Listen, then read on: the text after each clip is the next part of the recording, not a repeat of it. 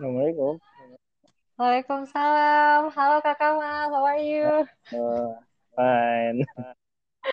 Welcome Kedengeran? to my podcast Sharing with Dea. Iya Kak, kedengeran jelas. Oke. Suaraku jelas ya? Suaraku jelas ya? Kencengan malah. Oh, kekencengan. Tadi kameranya aku dek ini, mikrofonnya aku deketin. Oke, ya Allah, terima kasih banyak. Ah, Thank you gitu. for for the time, uh, Mr. Hangka, to sharing with us and the other. Tes tes. Oke lanjut ya. Oke, lanjut ya. Oke, Lagi lagi ngetes ini. oke, Kedengeran ya? kedengeran. Siap.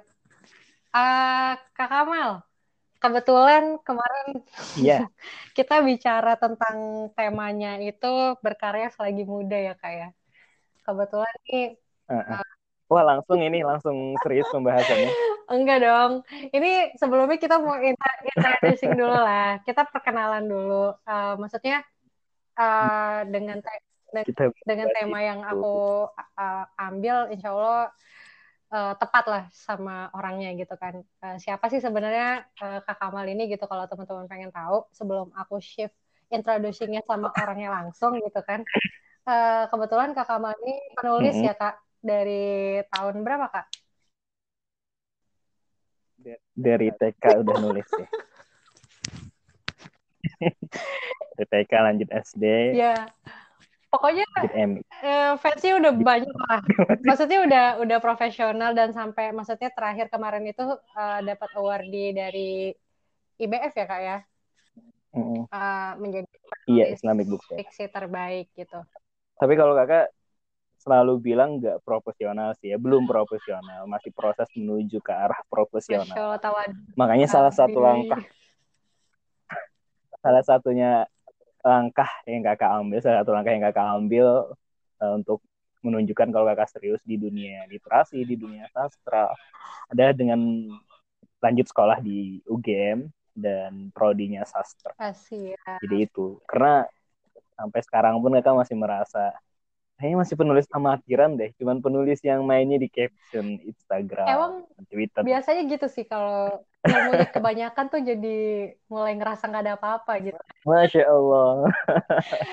Oke, Gak ada Coba ilmunya. Kak Kamal introduce yourself dong sama teman-teman. Kak Kamal ini siapa sih? Heeh. Oke. Eh, Assalamualaikum warahmatullahi wabarakatuh semuanya ya. Salam kenal dan senang banget bisa diundang di podcast wanita luar biasa, wanita yang jadi inspirasi banyak orang tentunya. Bu Dea, Ibu atau Mbak ya pasnya ya. Aduh, terlalu tua rasanya. Bu Dea Aulia ya, Bu Dea Aulia LC. Selamat juga buat Dea yang udah selesai eh, S1-nya di Pakistan dan semoga ilmunya bermanfaat. Semoga langkah Amin, selanjutnya amin, lebih amin, amin.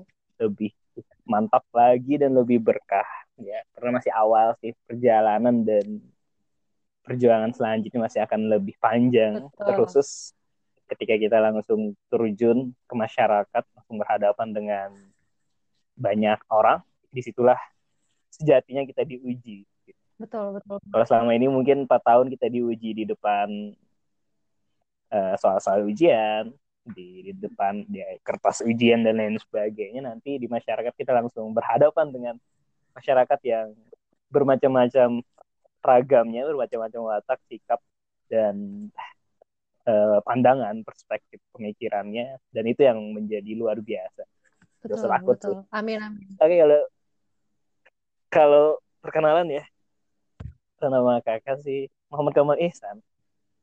Ya udah kayak kenalan ke siapa aja. Nama Muhammad Kamal Ihsan. Ya kalau nama pena Hangka. Ya jadi kalau teman-teman podcastnya dia yang mau lebih kenal bisa follow Instagramnya. Cari aja Hangka. Insya Allah ada ketemu di Instagram. Ya kenapa namanya Hangka? Hangka itu nama pena sih. Ya kalau penulis biasa menggunakan nama yang sekali diucapkan dan itu enggak ribet di ingatan orang dan langsung mudah diucapkan gitu. Makanya namanya Hangka. Terus kepikiran namanya Hangka kenapa kak? Biasanya ditanya seperti itu. Apa arti Hangka? Banyak orang yang eh, menyangkut pautkan dengan akronim akronim. Angka tuh artinya nama-nama galau gitu kan. Hati yang kalut hati yang karam hati yang kecewa. Oh bullshit. Enggak sih. Angka itu nama yang penuh makna. Ya doa juga dan itu juga inspirasi dari kata-kata ibu kakak sendiri. Ya waktu launching buku pertama waktu itu. Jadikan huruf-huruf dan angka-angka ini menjadi investasi dan royalti akhirat buat nanti gitu kan. Huruf-huruf dan angka. Karena judul waktu itu kan lima titik satu koma ya ya. Lima titik lima titik satu koma angka kan. Jadi akhirnya kepikiran ya udahlah. Kita kayaknya lebih baik bikin nama pena. Karena nama Muhammad Kamal Ihsan LC itu terlalu panjang untuk ditaruh di cover buku dan itu sempat diprotes juga oleh ya penerbit kakak waktu itu. Kamal kamu ini mau jadi penulis novel fiksi. Namamu harus keren dong. Namamu harus uh, punya sibgoh gitu punya identitas gitu ikonik. Betul betul. Kalau namamu Muhammad Kamal Ihsan LC itu kamu bagusnya buku nulis buku-buku non fiksi buku rahasia sholat duha rahasia sholat tahajud dan lain sebagainya. Masuk akal sih kan kakak bilang waktu itu. Nah, akhirnya lahirlah nama ini angka dan artinya sebenarnya ini huruf dan angka sih maksudnya. Hmm. huruf dan angka. Hmm. karena mau digabung huruf dan angka mau digabung jadi uh, apa ya istilah singkatan yang bagus gak ketemu ketemu huruf angka huruf angka huruf angka. Jadi akhirnya ya udahlah ambil angkanya dan ambil huruf H dari kata huruf yang di depannya aja. Kita masukkan ke angka jadinya. Jadinya hmm. seperti itu. Huruf dan angka. Dan ini ada doa juga. Semoga kakak tetap bisa berkarya konsisten sampai kapan pun sampai nanti meninggal meninggal dunia di akhir hayat tetap bisa berkarya tetap bisa bermanfaat dan menginspirasi orang banyak gitu amin ya, amin dan kenal dia kenal dia ini baru satu tahun ini ya ya. Auto sibuk. Kenal dia. Dan alhamdulillah nggak terlalu nggak terlalu kenal dia karena kalau kenal dia Anda akan tiba-tiba sibuk dan ketika Anda kenal dia akan tiba-tiba punya tanggung jawab yang spontan entah datang dari mana gitu. Makanya jauhi dia kalau dia ingin sibuk. Tahu ya. nih. Kok pas kebetulan kenal, gitu ya kemarin-kemarin tuh pas kenal aku pas langsung ke rekrut mm sibuk gitu loh. Sibuknya. aduh, aduh. Tapi memang Maafkan luar aku. biasa. Kayaknya memang jadi kutub magnet. Kutub oh, buat dong. sibuk. Sama-sama lah. Ini kita juga saling belajar lah. Aku pribadi juga banyak lah belajar, mm -mm. belajar dari dari Kak Kamal lah. Uh, Kak Kamal, oke okay, mm. kita langsung uh, langsung masuk ke materinya aja ya. Yeah. Kalau kita bicara ke apa namanya berkarya selagi muda. Kebetulan Kak Kamal juga pemateri lah ya, sering jadi pemateri dan kebetulan aku juga mm. di beberapa event juga uh, sharing session sering pemateri anak-anak sharing-sharing gitu kan. Terus kayaknya, kayaknya satu minggu itu penuh pamfletnya dia tuh. Aku udah nolak-nolakin sih sekarang Enggak. karena di sini tuh lagi sibuk Enggak, kak. Putus, putus. Sebetulnya, sebetulnya di sini tuh lagi lagi hektik gitu. Cuma aku tuh udah apa aku perlu hmm. bikin highlight gitu ya? Apa aku perlu bikin highlight untuk uh, apa namanya? Kita stop Harus dulu gitu. manajer ya. nah, tapi ya Allah, itu lebih berhak Kak Kamal yang punya manajer. Aku masih kalangan bawah. kalau iya. kalau kayak kakak sih sebenarnya sering dikasih tahu sama mentor kakak ya. Mm -hmm. Kamal kalau kamu sering ngisi acara, sering ngisi pelatihan menulis dan lain sebagainya, ada positif dan negatifnya. Positifnya kamu akan menambah jam terbang, nambah pengalaman juga, dan nambah pengetahuan pastinya, nambah relasi. Tapi kalau kamu sering ngisi seminar, tentu konsentrasi dan fokusnya akan ke arah sana dong. Kapan kamu nulis? kapan kamu hmm. lanjutin karya selanjutnya dan itu biasanya yang jadi teguran dan terkadang juga uh, sering mewanti-wanti diri sendiri juga karena kakak itu jujur orang yang hmm. susah buat bilang tidak gitu susah buat bilang enggak sama itu. orang siapa pun itu Mayoritas orang yang sih. kakak kenal kah orang yang enggak kakak kenal kah. Dan itu memang penyakit dari dulu sih ya. Hmm, rasa nggak enakan itu gede banget kalau kakak itu. Jadi hmm, kalau ada yang. DM di Instagram atau yang kirim email minta jadi narasumber kakak itu cuman yang mungkin bisa menolak hanya gara-gara karena mungkin ada ujian atau bertabrakan dengan kegiatan lain. Tapi kalau nggak ada yang berhalangan biasanya langsung ke KACC gitu Hmm, itu susahnya jadi orang yang gak enakan. tapi ya itu ya kita ah, kita harus bisa membedakan sih mana orang yang produktif dan mana orang yang sibuk. Nah, kalau kita ingin jadi orang yang produktif salah satunya juga harus bisa belajar. Jadi orang yang tegaan untuk menentukan mana prioritas dan harus tegaan buat berani bilang enggak gitu kepada orang. Bener banget sih karena itu. kalau kita semuanya kita iakan semuanya kita ACC kan Berani ya berkata tidak. kita kita jadi orang yang sibuk kita jadi orang yang sibuk ya kakak biasanya be- masih belum bisa sih menjalani dan membedakan mana sih orang yang sibuk dan mana sih orang yang produktif itu Hmm. terkadang masih membingungkan dan ketika melihat dan mengaplikasikan dalam diri sendiri juga wow ternyata memang susah buat balance itu Hmm, buat hmm, hmm. seimbang semuanya ya semua hal ingin kita seimbangkan itu ternyata. Wow susah gitu. Memang harus ada yang diprioritaskan. Gitu. Betul, betul banget sih. Dan eh, tapi mungkin ini kalau kita bicara apa ya, bicara motorcycle atau bicara dinamika kehidupannya Kak Kamal itu udah cukup produktif lah ya. Maksudnya dalam sehari atau mungkin dalam jangka eh, satu minggu kayak sebelum sebelum sama Kak Kamal aku sempat bicara juga sama anak UI yang eh, dia juga Mm-mm. kasih insight baru sama kita semua bahwa eh dalam apa ya dalam memplanning suatu kegiatan atau time management tuh kita butuh tiga hal antara mikro, Mm-mm. makro sama meso gitu. Mm-mm. Jadi yang mana Mm-mm. itu tuh terdekat nih misalkan jam harian kita, kemudian jam istirahat kita dan jangka panjang dan jangka pendeknya gitu. Nah, ini tuh memang susah banget ya, susah banget Kak. Ya kayak Kamal sendiri bilang gitu kan. eh, kita mau bedain antara sibuk sama produktif aja aduh bingung juga gitu kan. Mm. Cuma eh, at least bener juga sih kadang sometimes kita tuh perlu apa ya perlu punya waktu sendiri juga supaya kita bisa upgrading diri karena jujur eh, aku pribadi ngerasain ya eh, teman-teman ketika apa ya ketika kita eh, arrange jadwal sendiri kemudian komunikasi sendiri Hmm. gitu kadang malah kita yang disuruh menentukan tema gitu kan sama gimana kak untuk temanya gitu mungkin mereka lebih lebih percaya kredibilitas temanya mungkin dari kitanya gitu kan. Dari itu jadi aduh mikir juga gitu kan ini juga bikin presentasi juga. Wah itu emang kalau misalkan di ini emang ambruk juga sih kita gitu kan. Mm-mm. tapi dan eh, pasti ada apa ada celahnya lah. Nah kalau misalkan dari Kak Kamal sendiri itu kegiatan-kegiatan yang dijalani sambil ngisi sambil upgrading diri tuh gimana caranya Kak? eh, oke. Kakak itu sampai sekarang itu merasa masih banyak hal yang perlu diperbaiki dan perlu di-upgrade ya. Terkhusus dalam beberapa sikap yang menurut kakak penting dalam kehidupan kita sehari-hari. Contohnya kakak itu dulu adalah orang yang idealis sih ya. Idealis banget. Ya. maksudnya apa yang kakak apa yang kakak inginkan dan apa yang kakak targetkan itu the so much go on banget.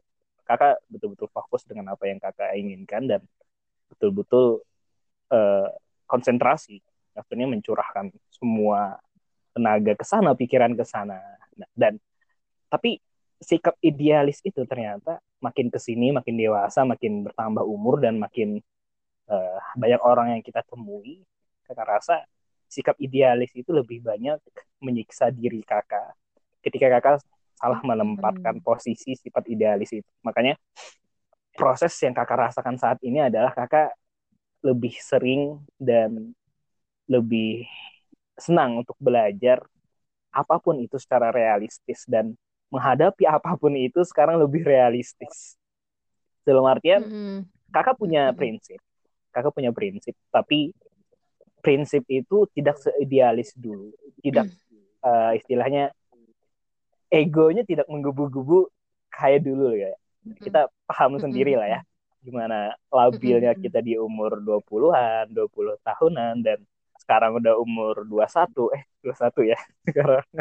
Eh enggak deh 26 udah Kurang tua. tambahin berapa tuh? Korupsi. 21 tambahin berapa tuh?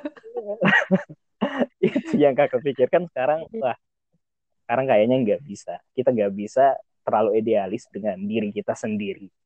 Kita nggak bisa terlalu idealis dengan prinsip-prinsip kita kita harus dewasa dengan mm -hmm. uh, realis realistis apa ya istilahnya kehidupan yang rea yang realitanya terkadang nggak sesuai dengan apa yang kita bayangkan terkadang dengan nggak sesuai hmm. dengan apa yang kita uh, rencanakan dan itu itu menjadi hmm. salah satu poin penting yang kakak rasa bisa menyejahterakan dan menjadikan hidup itu lebih mutmain gitu lebih mutmainah, lebih tenang dan lebih sejahtera. Dalam artian kita nggak terlalu punya tekanan batin seperti dulu ya kakak merasakan hmm. banget ketika dulu jadi orang yang idealis ya dan itu masih beberapa tahun yang lalu dan efeknya ada memang kakak waktu itu ketika jadi mahasiswa yang idealis ya ya jadi waktu mm -hmm. itu tahun 2017 ingat banget ya 2017 2018 di Mesir masih tingkat dua atau tingkat tiga ya waktu itu dan idealisnya kakak waktu itu sampai diganjar penghargaan mahasiswa terbaik waktu itu ya mahasiswa terbaik PPMI Mesir dan waktu itu itu kakak akui itu waktu yang paling paling gila dalam hidup kakak. Kakak semuanya kakak ikuti. Semuanya kakak coba balance kan antara akademis antara kegiatan karya prestasi organisasi ini komunitas ini semuanya diikuti waktu itu tanpa mengurangi uh, intensitas belajar apa mengurangi intensitas keaktifan talaki dan lain sebagainya. Dan memang ada ganjarannya waktu itu tapi yang kakak rasakan betul-betul kakak enggak tenang. Betul-betul kakak uh, under under pressure banget ya di bawah tekanan banget waktu itu dengan target-target yang ternyata kakak pernah jadi orang yang betul-betul idealis waktu itu. Dan ada positif hmm. dan negatifnya negatifnya salah satunya itu kita selalu merasa tertekan. Baru bangun tuh udah mikir apa selanjutnya. Dan baru bangun tuh udah mikir apa nih kegiatan hari ini, apa nih rencana hari ini dan lain sebagainya. Ya, tapi negatifnya itu kita uh, akhirnya kurang peka. Enggak rasa kurang peka dengan hmm. lingkungan sekitar. Kurang peka bahkan dengan keluarga hmm. sendiri. Kurang menanyakan kabar keluarga, kurang menanyakan kabar uh, kakak sulung dan kakak kedua, keponakan dan lain sebagainya. Akhirnya wah ternyata itu efek negatifnya ketika kita terlalu idealis dengan kehidupan kita. Dan alhamdulillahnya sekarang ya salah satu yang menunjukkan ternyata kakak sudah tua. sudah umur 25 ke atas. Ya, salah satunya adalah itu. Sekarang lebih realistis. Ya, lebih realistis mm-hmm, menghadapi mm-hmm. segala tantangan, segala tanggung jawab. Ketika nggak dapet ya mm-hmm. udah. Ketika nggak keterima ya udah, nggak ngotot mikirin, nggak ngot kalau kalau kakak dulu ya jujur ketika misalkan nggak dapet ya apa yang kakak incar apa yang kakak inginkan nggak dapet itu sampai kepikiran. Nggak bisa tidur sampai besoknya kepikiran terus ini kenapa apa masalahnya? Ini kenapa sih? Penyebabnya apa sih? Nah, itu sampai kepikiran kayak gitu. Dan itu adalah efek orang yang idealis. Dan ketika kakak kemarin ya tes pernah tes Steven nggak deh kakak kemarin uh, pernah dengar sih tapi belum ah, tes. kan ada tes Steven lah ya. Tes Steven mm -hmm. itu ya, lumayan akurat karena dia uh, melibatkan faktor genetika manusia.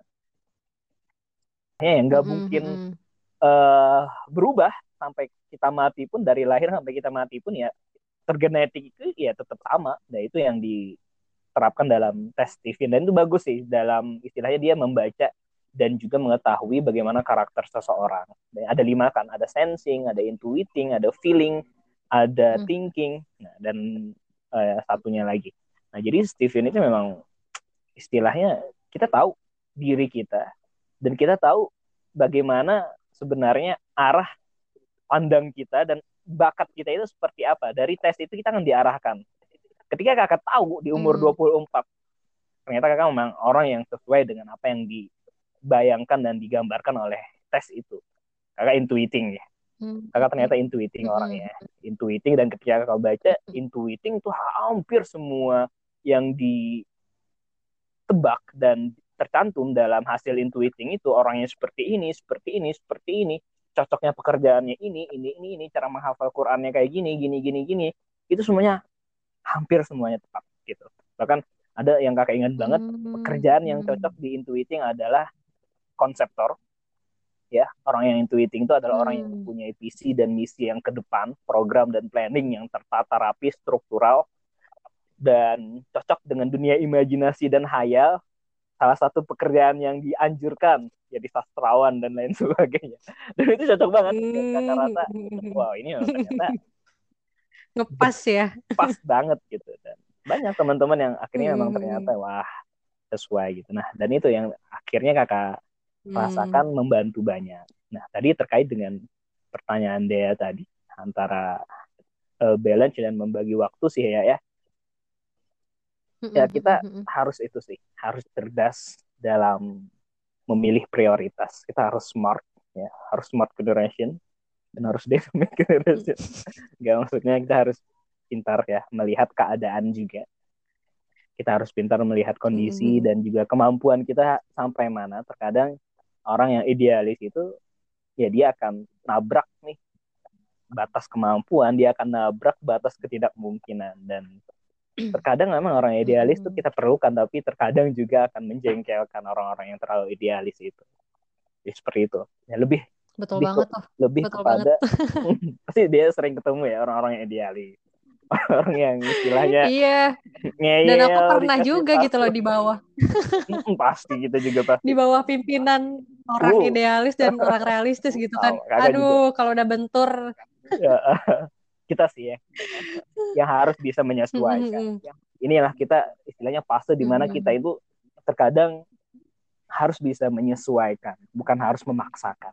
Kita harus bisa jadi Mhm. air, ya kita bisa fleksibel di mana aja tanpa mencederai prinsip kita, tanpa mencederai apa yang selama ini kita bawa dan itu memang Mhm. pasti penuh perjuangan dan pasti juga banyak tantangan ke depannya akan ketemu banyak Betul betul. salah satunya yaitu di bawah tekanan pemimpin yang idealis di bawah tekanan pemimpin yang ngeyel yang selengean dan lain sebagainya itu jadi sesuatu hal yang menarik. Lebih kepada kita mengenal diri kita sendiri sih. Lebih kita kita itu sebenarnya orangnya senangnya yang seperti apa dan nyamannya seperti apa. Karena mencari saat dan situasi di mana kita bisa nyaman dengan diri kita sendiri dan nyaman dengan keadaan itu adalah saat-saat di mana menurut kakak Hmm. adalah saat-saat yang paling bahagia gitu kan. Dan faktornya bukan eksternal bukan istilahnya hal-hal yang datang dari luar enggak. Tapi lebih kepada faktor internal. Lebih kepada bagaimana kita membangkitkan faktor-faktor internal itu sendiri. Salah satunya ya kalau kita nunggu kebahagiaan datang dari luar ya kita bahagianya sempit. Kita bahagianya sebentar. Tapi kalau kita lebih berpikiran untuk bagaimana caranya membangkitkan kebahagiaan itu dari dalam diri sendiri. Kita lebih bersyukur kita lebih sering berterima kasih kita lebih sering uh, merasa baik-baik saja. Dan itu terkadang efeknya lebih lama dan efeknya lebih bisa kita atur sendiri bisa kita ciptakan sendiri tanpa Mhm. harus menunggu bahagia dari luar. Karena ya bahagia bisa ciptakan sendiri. Ya kalau kita syukuri apa yang ada kita syukuri apa yang kita miliki ya kita bahagianya semudah itu kayak jadi ceramah Hmm. jadinya Campur-campur nih. ada knowledge-nya, ada ceramahnya juga. Tapi aku got got the point sih kak. Maksudnya mulai mulai ketarik lah benang merahnya. Jadi Mm-mm. ketika misalkan nih orang-orang atau teman-teman pengen eh, berkarya eh, mumpung muda gitu kan, mumpung masih fresh lah, mumpung masih kuat gitu dan momen-momen sekarang ini kan bisa jadi kenangan Betul. suatu saat nanti gitu kan. Salah satu caranya adalah kita harus kenali dulu diri kita sendiri gitu ya nggak sih kak? Iya. Jadi kalau misalkan emang kita udah tahu nih potensi diri kita sampai mana, Mm-mm. kita bisa ngukur Mm-mm. kemampuan kita sampai mana gitu. Betul. Yang tentunya nanti suatu saat kita bisa mengarahkan nih eh, kita nih cocoknya ke mana nih gitu Betul, kan. Bang. Kemudian eh, kalau aku dengar dari Bang Sandi tuh do what you love gitu and love Bang what you Sandi do. mana nih Bang Jadi Sandiaga Uno? bener-bener Sandi. iya Bang Sandiaga Uno. Emang Bang Sandi yang mana lagi? Iya. Eh, jadi benar-benar harus apa ya? Ketika kita benar-benar menekuni apa yang kita cintai, toh Betul. itu pun juga nasihat dari Eyang Ya, ya, dari dari almarhum Mm-mm. Pak Habibie, bahwasanya ketika emang kita benar-benar menekuni apa yang menjadi minat kita gitu. Salah satu contohnya yang sudah teraplikasikan ya di Kak Kamal gitu kan. Kak Kamal kebetulan ada passion dalam nulis, kebetulan ketika mengenali kemampuan diri pun ada di intuisi gitu. Dan teraplikasikan menjadi penulis hingga sekarang gitu kan. Dan aku yakin kalau misalkan suatu saat Kak Kamal menekuni itu itu akan luar biasa gitu jangankan nanti gitu sekarang aja udah kelihatan gitu kan ya se- se- apa ibarat matahari ya udah udah mulai terbit lah gitu tinggal apa namanya cara kita apa ya Ud- mempertahankannya Ini dia itu mulai yang terbang. perlu apa ya perlu terbang. perlu support system Iya. lah ya perlu support system yang emang selalu apa ya bisa dukung Betul. bisa apa ya Mengembangkan. benar-benar keep ya keep forward lah keep forward untuk itu oke eh, kalau nanya nih kira-kira sejauh ini eh, kesulitan karena aku nih biasanya ketika orang sukses aku lebih kepo Proses. sama prosesnya Mm-mm. dia bukan sama achievementnya dia gitu nah kira-kira eh, kesulitan apa sih yang Kak Kamal hadapi gitu selama apa selama sampai saat ini lah Mm-mm. yang bener-bener eh, kayaknya Kak Kamal aduh susah nih Mm-mm. gitu cara gimana ya cara solve problem ini gitu pernah nggak sih Sering kayak banget. gitu Dan kalau sekarang itu, Oh, sering banget kalau sekarang ini yang paling kakak rasakan banget dan menjadi penyakit ya dari dalam diri kakak sendiri. Ini tentang konsistensi sih ya. Bagaimana kakak itu bisa menjaga Hmm, hmm, konsistensi ritme semangat, bagaimana bisa menjaga konsistensi eh, ritme kinerja itu betul-betul wow susah minta ampun ya. dan itu nggak cuma dalam dunia Hmm, organisasi hmm, hmm. dunia kerja tapi juga dalam eh, dunia tulis menulis apalagi itu betul-betul adalah jadi satu momok yang luar biasa dan salah satu yang menyebabkan mungkin eh, kenapa kita terjebak dalam hal itu adalah landasan dan fondasi pertama dan yang utama eh, yang kita pilih adalah salah. Contohnya, kakak mungkin ya dulu kenapa terkendala dengan konsistensi? Karena mungkin dulu itu rujukan dan istilahnya lapangan landasan utamanya itu adalah mood. Artinya dalam artian mood itu ya kita Hmm, tergantung dengan mood Hmm, kita hmm. kalau baik ya nulis kalau lagi nggak mood ya ya udah nunggu mood baru nulis dan itu yang menjadi hmm, hmm, hmm. penyakit paling besar yang kakak rasakan dahulu ya makanya kakak sekarang memperbaiki dikit demi Hmm, sedikit hmm, hmm. dan apa yang kakak lakukan sekarang itu selalu berdasarkan komitmen berdasarkan alasan berdasarkan motivasi dan tujuannya maka Hmm, hmm. kakak selalu menulis sesuatu atau masuk ke suatu organisasi itu dengan komitmen, dengan dengan motivasi dan dengan alasan. Bukan lagi dengan Hmm. mood atau dengan istilahnya eh ah, wah lagi semangat semangatnya nih, udah lah nulis aja, wah udah lah eh, ikut aja. Itu sudah kakak hindari dan kakak buang jauh-jauh karena efeknya berpengaruh banget pada konsistensi kita. Ya, tapi ketika kita memulai sesuatu dan menjalani sesuatu dengan komitmen, itu kita selalu bisa kembali walaupun kehabisan energi. Kita bisa selalu istilahnya dalam artian kita selalu bisa tahu jalan untuk pulang walaupun kita sudah nyasar ke mana-mana. Itu kalau kita mulai dengan komitmen. Beda kalau kita mulai dengan mood ya akhirnya akan menjadi eh, parasit dalam diri kita sendiri. Hmm. Nah itu yang pertama kesulitan.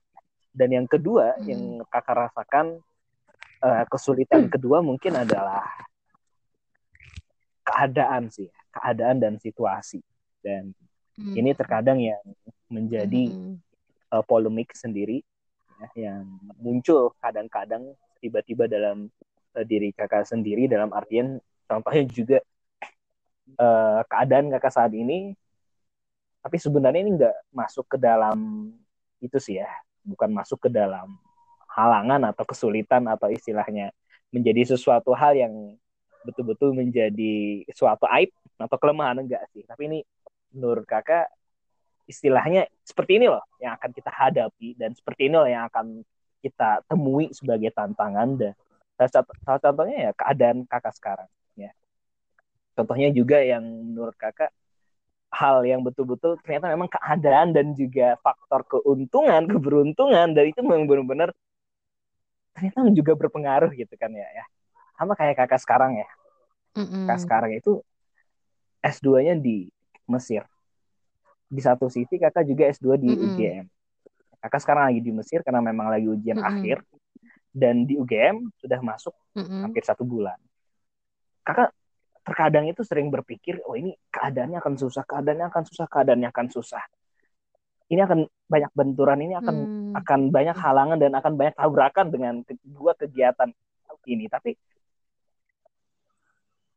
ini penyakit kakak ya ini ya. Kakak tuh terkadang sering berpikir hal yang menakutkan terlebih dahulu padahal itu belum terjadi. Membayangkan hal-hal yang kadang hmm. mengerikan dan padahal kakak belum menjalani gitu. Dan ini kakak orangnya seperti itu kan tapi ternyata mm -hmm. apa yang selama ini kakak khawatirkan mm -hmm. itu terlalu berlebihan. Ya, ternyata Allah punya cara lain ternyata Allah punya skenario lain yang seakan-akan itu nggak pernah kita sangka. Dan Allah tuh kayak nyindir kakak selama ini ya. Kamal kamu nggak usah ikut-ikutan jadi sutradara Kamal kamu nggak usah ikut-ikutan bikin skenario kamu udah pikirin mm-hmm. bagaimana kamu menjalani bukan berarti bukan memikirkan bagaimana kamu harus membuat skenario bareng Allah Subhanahu Wa Taala. Itu yang terkadang kakak tuh merasa wah ini sindiran. Dan contoh kecilnya aja ternyata apa yang selama ini kakak pikirkan di awal ternyata malahan sama Allah dikasih mudah. Salah satunya tesis kakak di UGM ya calon tesis ya. Dan ternyata kakak malahan sama dosen pembimbing Kamal kamu nggak usah pulang dulu. Padahal kakak kan lagi mikir nih gimana caranya pulang, gimana caranya pulang. Ternyata sama dosen kakak, kamu nggak mau, kamu nggak ngapain pulang. Kamu nggak usah pulang. Ya, kamu fokus di Mesir. Kamu teliti sastra lisan yang ada di Mesir kuno. Dia bilang seperti itu. Kami fokus, kamu fokus di sana, itu bisa kamu jadikan bahan tes, bahan tesis. Nanti buat S3 kamu bandingkan antara sastra hmm. Mesir kuno sama sastra Indonesia itu udah cukup wow kakak bilang kan kakak langsung mm-hmm. yang tadinya kakak mikir gimana cara pulang gimana cara supaya bisa cepat ke Jogja bisa cepat kuliah uh, langsung di Jogja gitu. Ternyata sama Allah ini loh udah jalan kamu gitu. Dan ya makanya selama ini ya ibu kakak juga selalu bilang dan ibu kakak juga tahu banget gitu kan penyakit seorang Muhammad Kamal Ihsan itu seperti apa. Orangnya ikut-ikutan mikir orangnya ikut-ikutan stres. Mm -hmm orang ikut-ikutan khawatir dan itu ternyata selama ini adalah halangan terbesar bagi diri kakak. Kalau dia tanya apa sih halangan terbesar buat kakak Kamal? Kalau kakak sendiri halangan terbesar kakak ya diri kakak sendiri terkadang ya pikiran kakak, kekhawatiran kakak dan itu yang terkadang menjadi sesuatu hal yang menakutkan gitu. Hmm, I see. Tapi uh, once aku tadi ke Kamal bilang apa penyakitnya mm-hmm. adalah mood gitu, kayaknya rata-rata konten creator atau inspirator tuh emang penyakitnya itu deh. Aku pun gitu loh. Kadang maksudnya uh, apalagi kemarin juga kebetulan kita teman-teman kita anak media, mm-hmm. desain gitu yang mana itu pasti kita perlu perlu mm-hmm. ide yang celing, perlu apa kan karena konseptor juga kan orang-orang situ jadi kita kalau nggak ada mood ya udah nggak akan ya kerja ya udah gitu. Ditinggalin. Tapi uh, di sisi lain kita dapat lesson juga sih bahwasanya kita juga harus jaga hmm. komitmen kita ya. Kita harus komit sama apa yang Betul. udah kita tekunin gitu kan. Jangan sampai hmm, karena mood malah semuanya jadi hmm. ambiar gitu kan. Dan second point uh, emang uh, apa ya? Aku juga pernah baca sih kak dari buku uh, apa namanya salah satu buku best international bestseller bahwasanya sebenarnya uh, apa ya? Yang paling common di personalitinya orang-orang adalah kita itu uh, takut apa ya? Memerangi uh, gimana sih bahasanya? Hal yang paling sulit oh. untuk kita perangi adalah ketakutan hmm. diri kita sendiri gitu. That apa ya? Ya itu fairness uh, rasa ketakut. Jadi kadang nih kalau bahasanya apa ya adik-adik aku tuh karena minder kita jadi mundur gitu kan. Ya, Padahal nih orang-orang belum hmm. juga maju gitu kan. belum juga maju udah takut duluan. Padahal sebenarnya nih siapa tahu langkah dia ada di situ, siapa tahu opportunity dia ada di situ tapi karena dia udah minum oh, duluan ujung-ujungnya karena rasa ketakutan Betul. itu lebih besar jadi gitu kan daripada ya? apa ke uh, akhirnya dia ya udah. Mm-hmm. itu gone lah. Maksudnya opportunity itu nggak nggak dia dapet gitu loh. Itu maksudnya itu bisa jadi uh, mungkin itu penyakit juga buat banyak orang sih ya termasuk aku pribadi. Kadang kita tuh masih masih ada gitu sisi itunya ketika apa ya ah rasanya saya nggak sanggup gitu padahal nih maksudnya kalau kita mau bicara tentang apa ya passion kita atau mm -hmm. mungkin apa yang mau kita hadapi kita nggak perlu uh, saya harus seperti mm -hmm. dia atau mungkin barometer saya saya harus bisa jadi kayak mm -hmm. dia sebenarnya nggak gitu gitu tapi ketika kita berhasil untuk melampaui batas diri kita sesuai dengan kemampuan kita itu udah ah, uh-uh. betul banget betul banget dan kita harus banget banget banget untuk apa betul. mengapresiasi diri kita gitu thanks to ourselves kita benar-benar ya ngapresiasi kita tuh punya uh-huh. diri punya badan punya apa namanya punya jiwa punya raga itu buat disayangin uh-huh. bukan buat disakit-sakitin gitu kan sama kayak kakak ya. gitu. kakak tuh biasanya sering beli coklat beli beli coklat iya. aneh sih ya beli coklat beli es krim ya, diri ada sendiri. duit ya belum iya. ada duit dan lain sebagainya tapi kakak paksain buat beli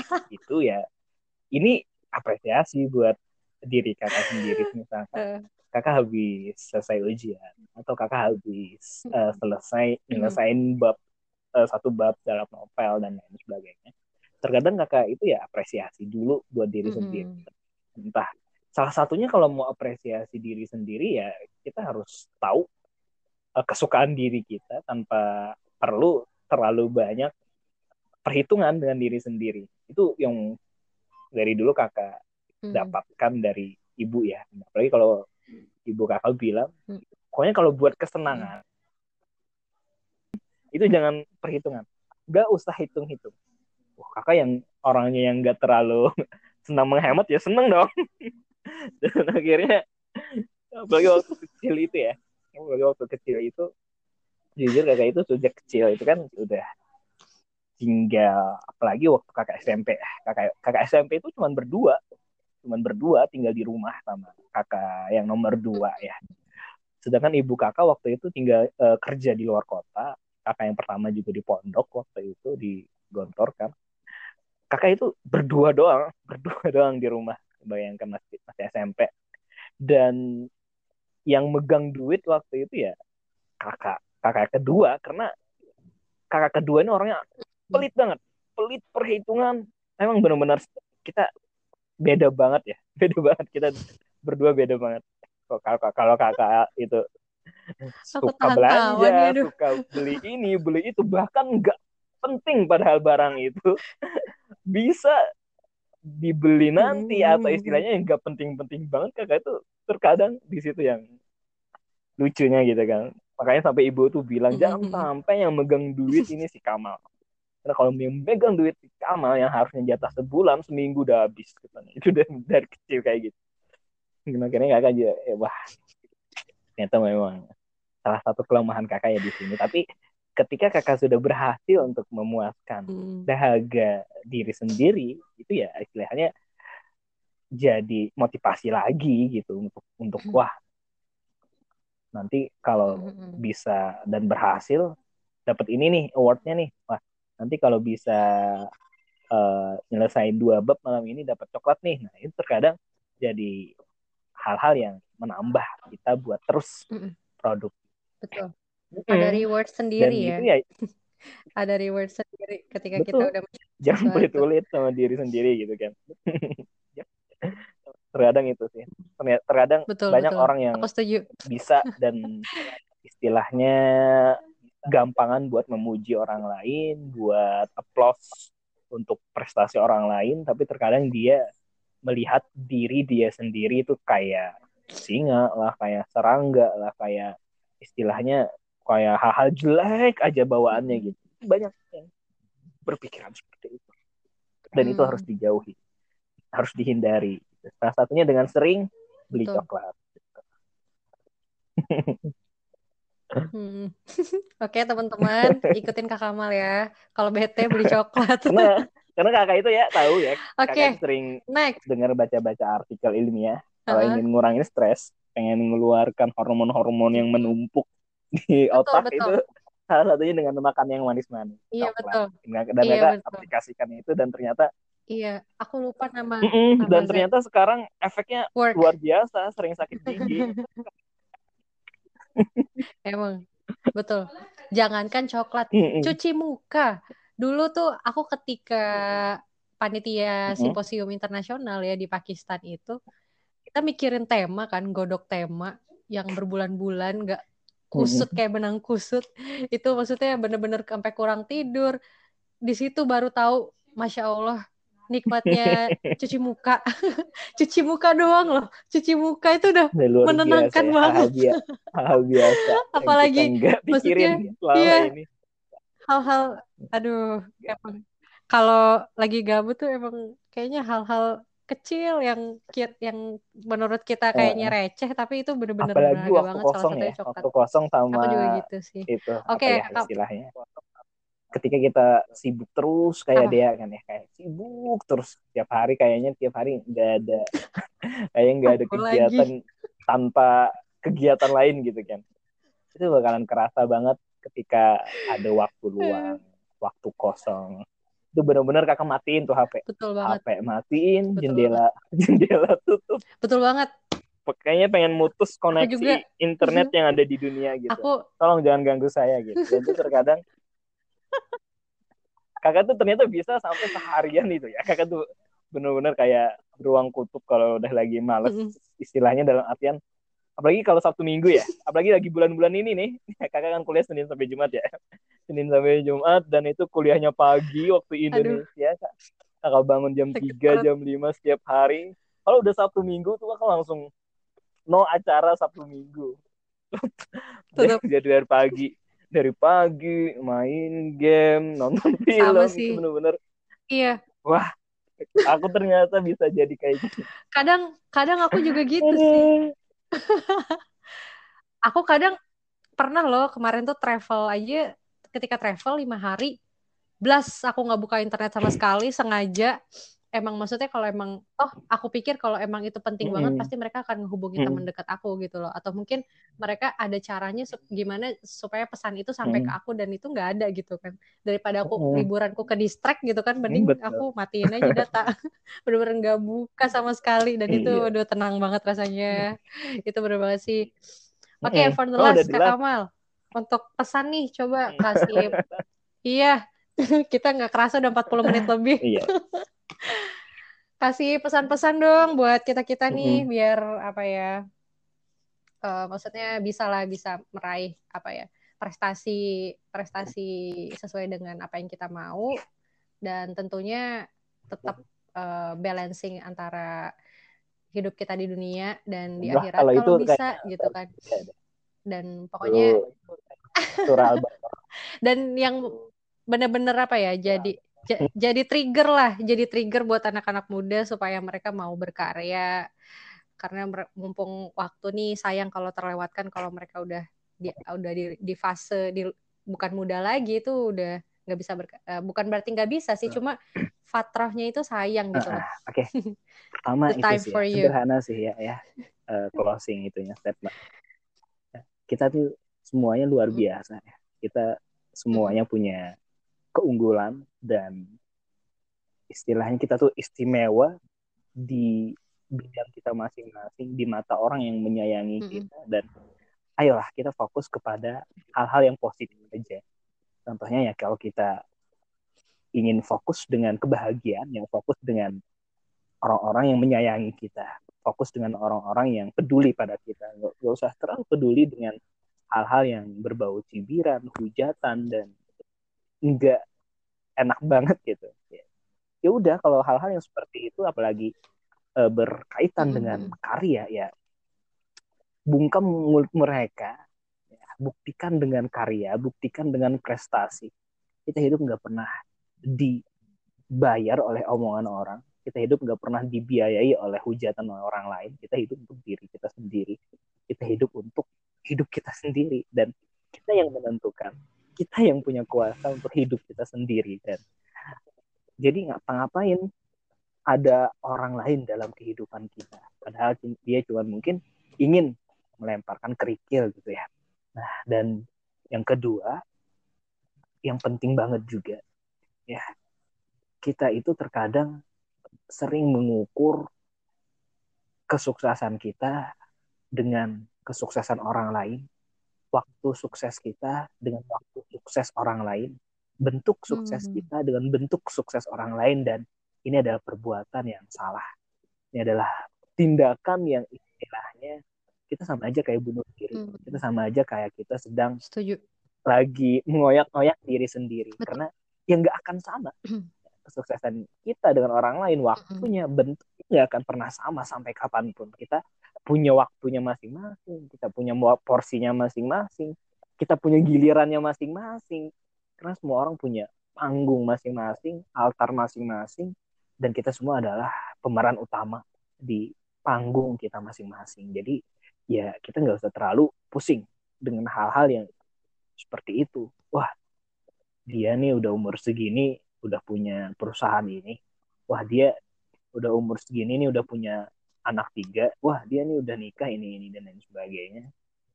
Itu jangan kok masalah nikah ya? Astaga sudah ber, sudah berumur. Jadi itu emang ayolah kita fokus dengan diri kita sendiri. Kita fokus dengan jalan hidup kita sendiri. Insya Allah lebih enak hmm. insya Allah lebih gampang. Dan yang terakhir mungkin enjoy ya. Enjoy setuju enjoy sepakat sih. dengan segala aktivitas hmm. kita. Ya enjoy dengan uh, apa yang menjadi cita-cita dan mimpi kita. Nikmati ya apa yang selama ini kita miliki lagi ada ya dan nikmati segala proses yang sedang kita jalani. Dan terakhir ya apa pun keadaannya dan apa pun situasinya ya kita hadapi. Itu dengan keyakinan dengan keoptimisan bahwasanya kita itu hidup di dunia yang sementara di tangan dalang yang kekal abadi. Jadi kita nggak usah takut gitu. Udah kayak Mario Teguh belum? Sepakat. Outstanding. Oh. yeay. Keplok keplok nah, bener banget aja. itu. Waduh udah kena banget lah. Intinya kita jangan terlalu fokus sama omongan orang lah ya. Maksudnya orang itu mungkin apabila mereka ingin berkomentar itu pastikan mm -hmm. mereka pernah berkontribusi dalam hidup kita gitu ya. Kalau misalkan mereka nggak pernah uh, apa namanya nggak ada investasi ke kita gitu dalam segi waktu atau dalam segi uh, materi itu rasa-rasanya kurang relevan atau kurang berhak untuk mengatur-ngatur gitu ya. Jadi istilahnya kita ini apa ya hmm. betul kata kak Kamal pemeran utama gitu kita yang berhak mengkreasikan hidup kita maunya seperti apa iya. dan mungkin yang kreasikan terakhir, hidupmu yang terbaik gitu yang ya, terakhir ya. Oke kak Kamal thank you ya, banget nih udah. uh, iya iya boleh boleh. sampai lupa ya setiap langkah kita setiap momentum dan setiap keputusan itu selalu libatkan ridho restu orang tua ridho restu ibu apalagi. Dan itu betul-betul berpengaruh dan betul-betul menentukan sama yang kakak rasakan selama ini. Kakak itu setiap mau ujian apalagi ujian-ujian di Azhar ujian-ujian di kampus setiap mau nentuin cover aja cover buku aja itu selalu mama kakak akhirnya yang jadi penentu gitu. Istilahnya jadi ujungnya karena kakak selama ini selalu merasa bahwasanya apa yang kakak miliki dan apa yang kakak alami apa yang kakak capai selama ini tuh benar-benar gak ada satu persen pun berasal dari semuanya dari kakak tuh nggak ada. Semuanya berkat doa orang tua ridho orang tua restu orang tua dan itu memang benar-benar jadi hal yang menentukan dan luar biasa dah. Kalau kita pegang ridhonya ibu ya udah insya Allah selamat dunia ya itu itu ya. Betul, betul, setuju. Iya, ridho orang tua juga itu Mm-mm. penentu ya, penentu sukses kita. Oke, oke makasih banyak nih Kak Kamal udah meluangkan waktunya untuk sharing-sharing sama kita. Semoga bermanfaat buat teman-teman. Sukses selalu buat Kak Kamal. Semoga may Allah is your way. Dia juga selalu dimudahkan segala urusannya. lancar Sampai ya jumpa Kak Kamal. Uh-uh. Oke, siap. Waalaikumsalam Amin, amin.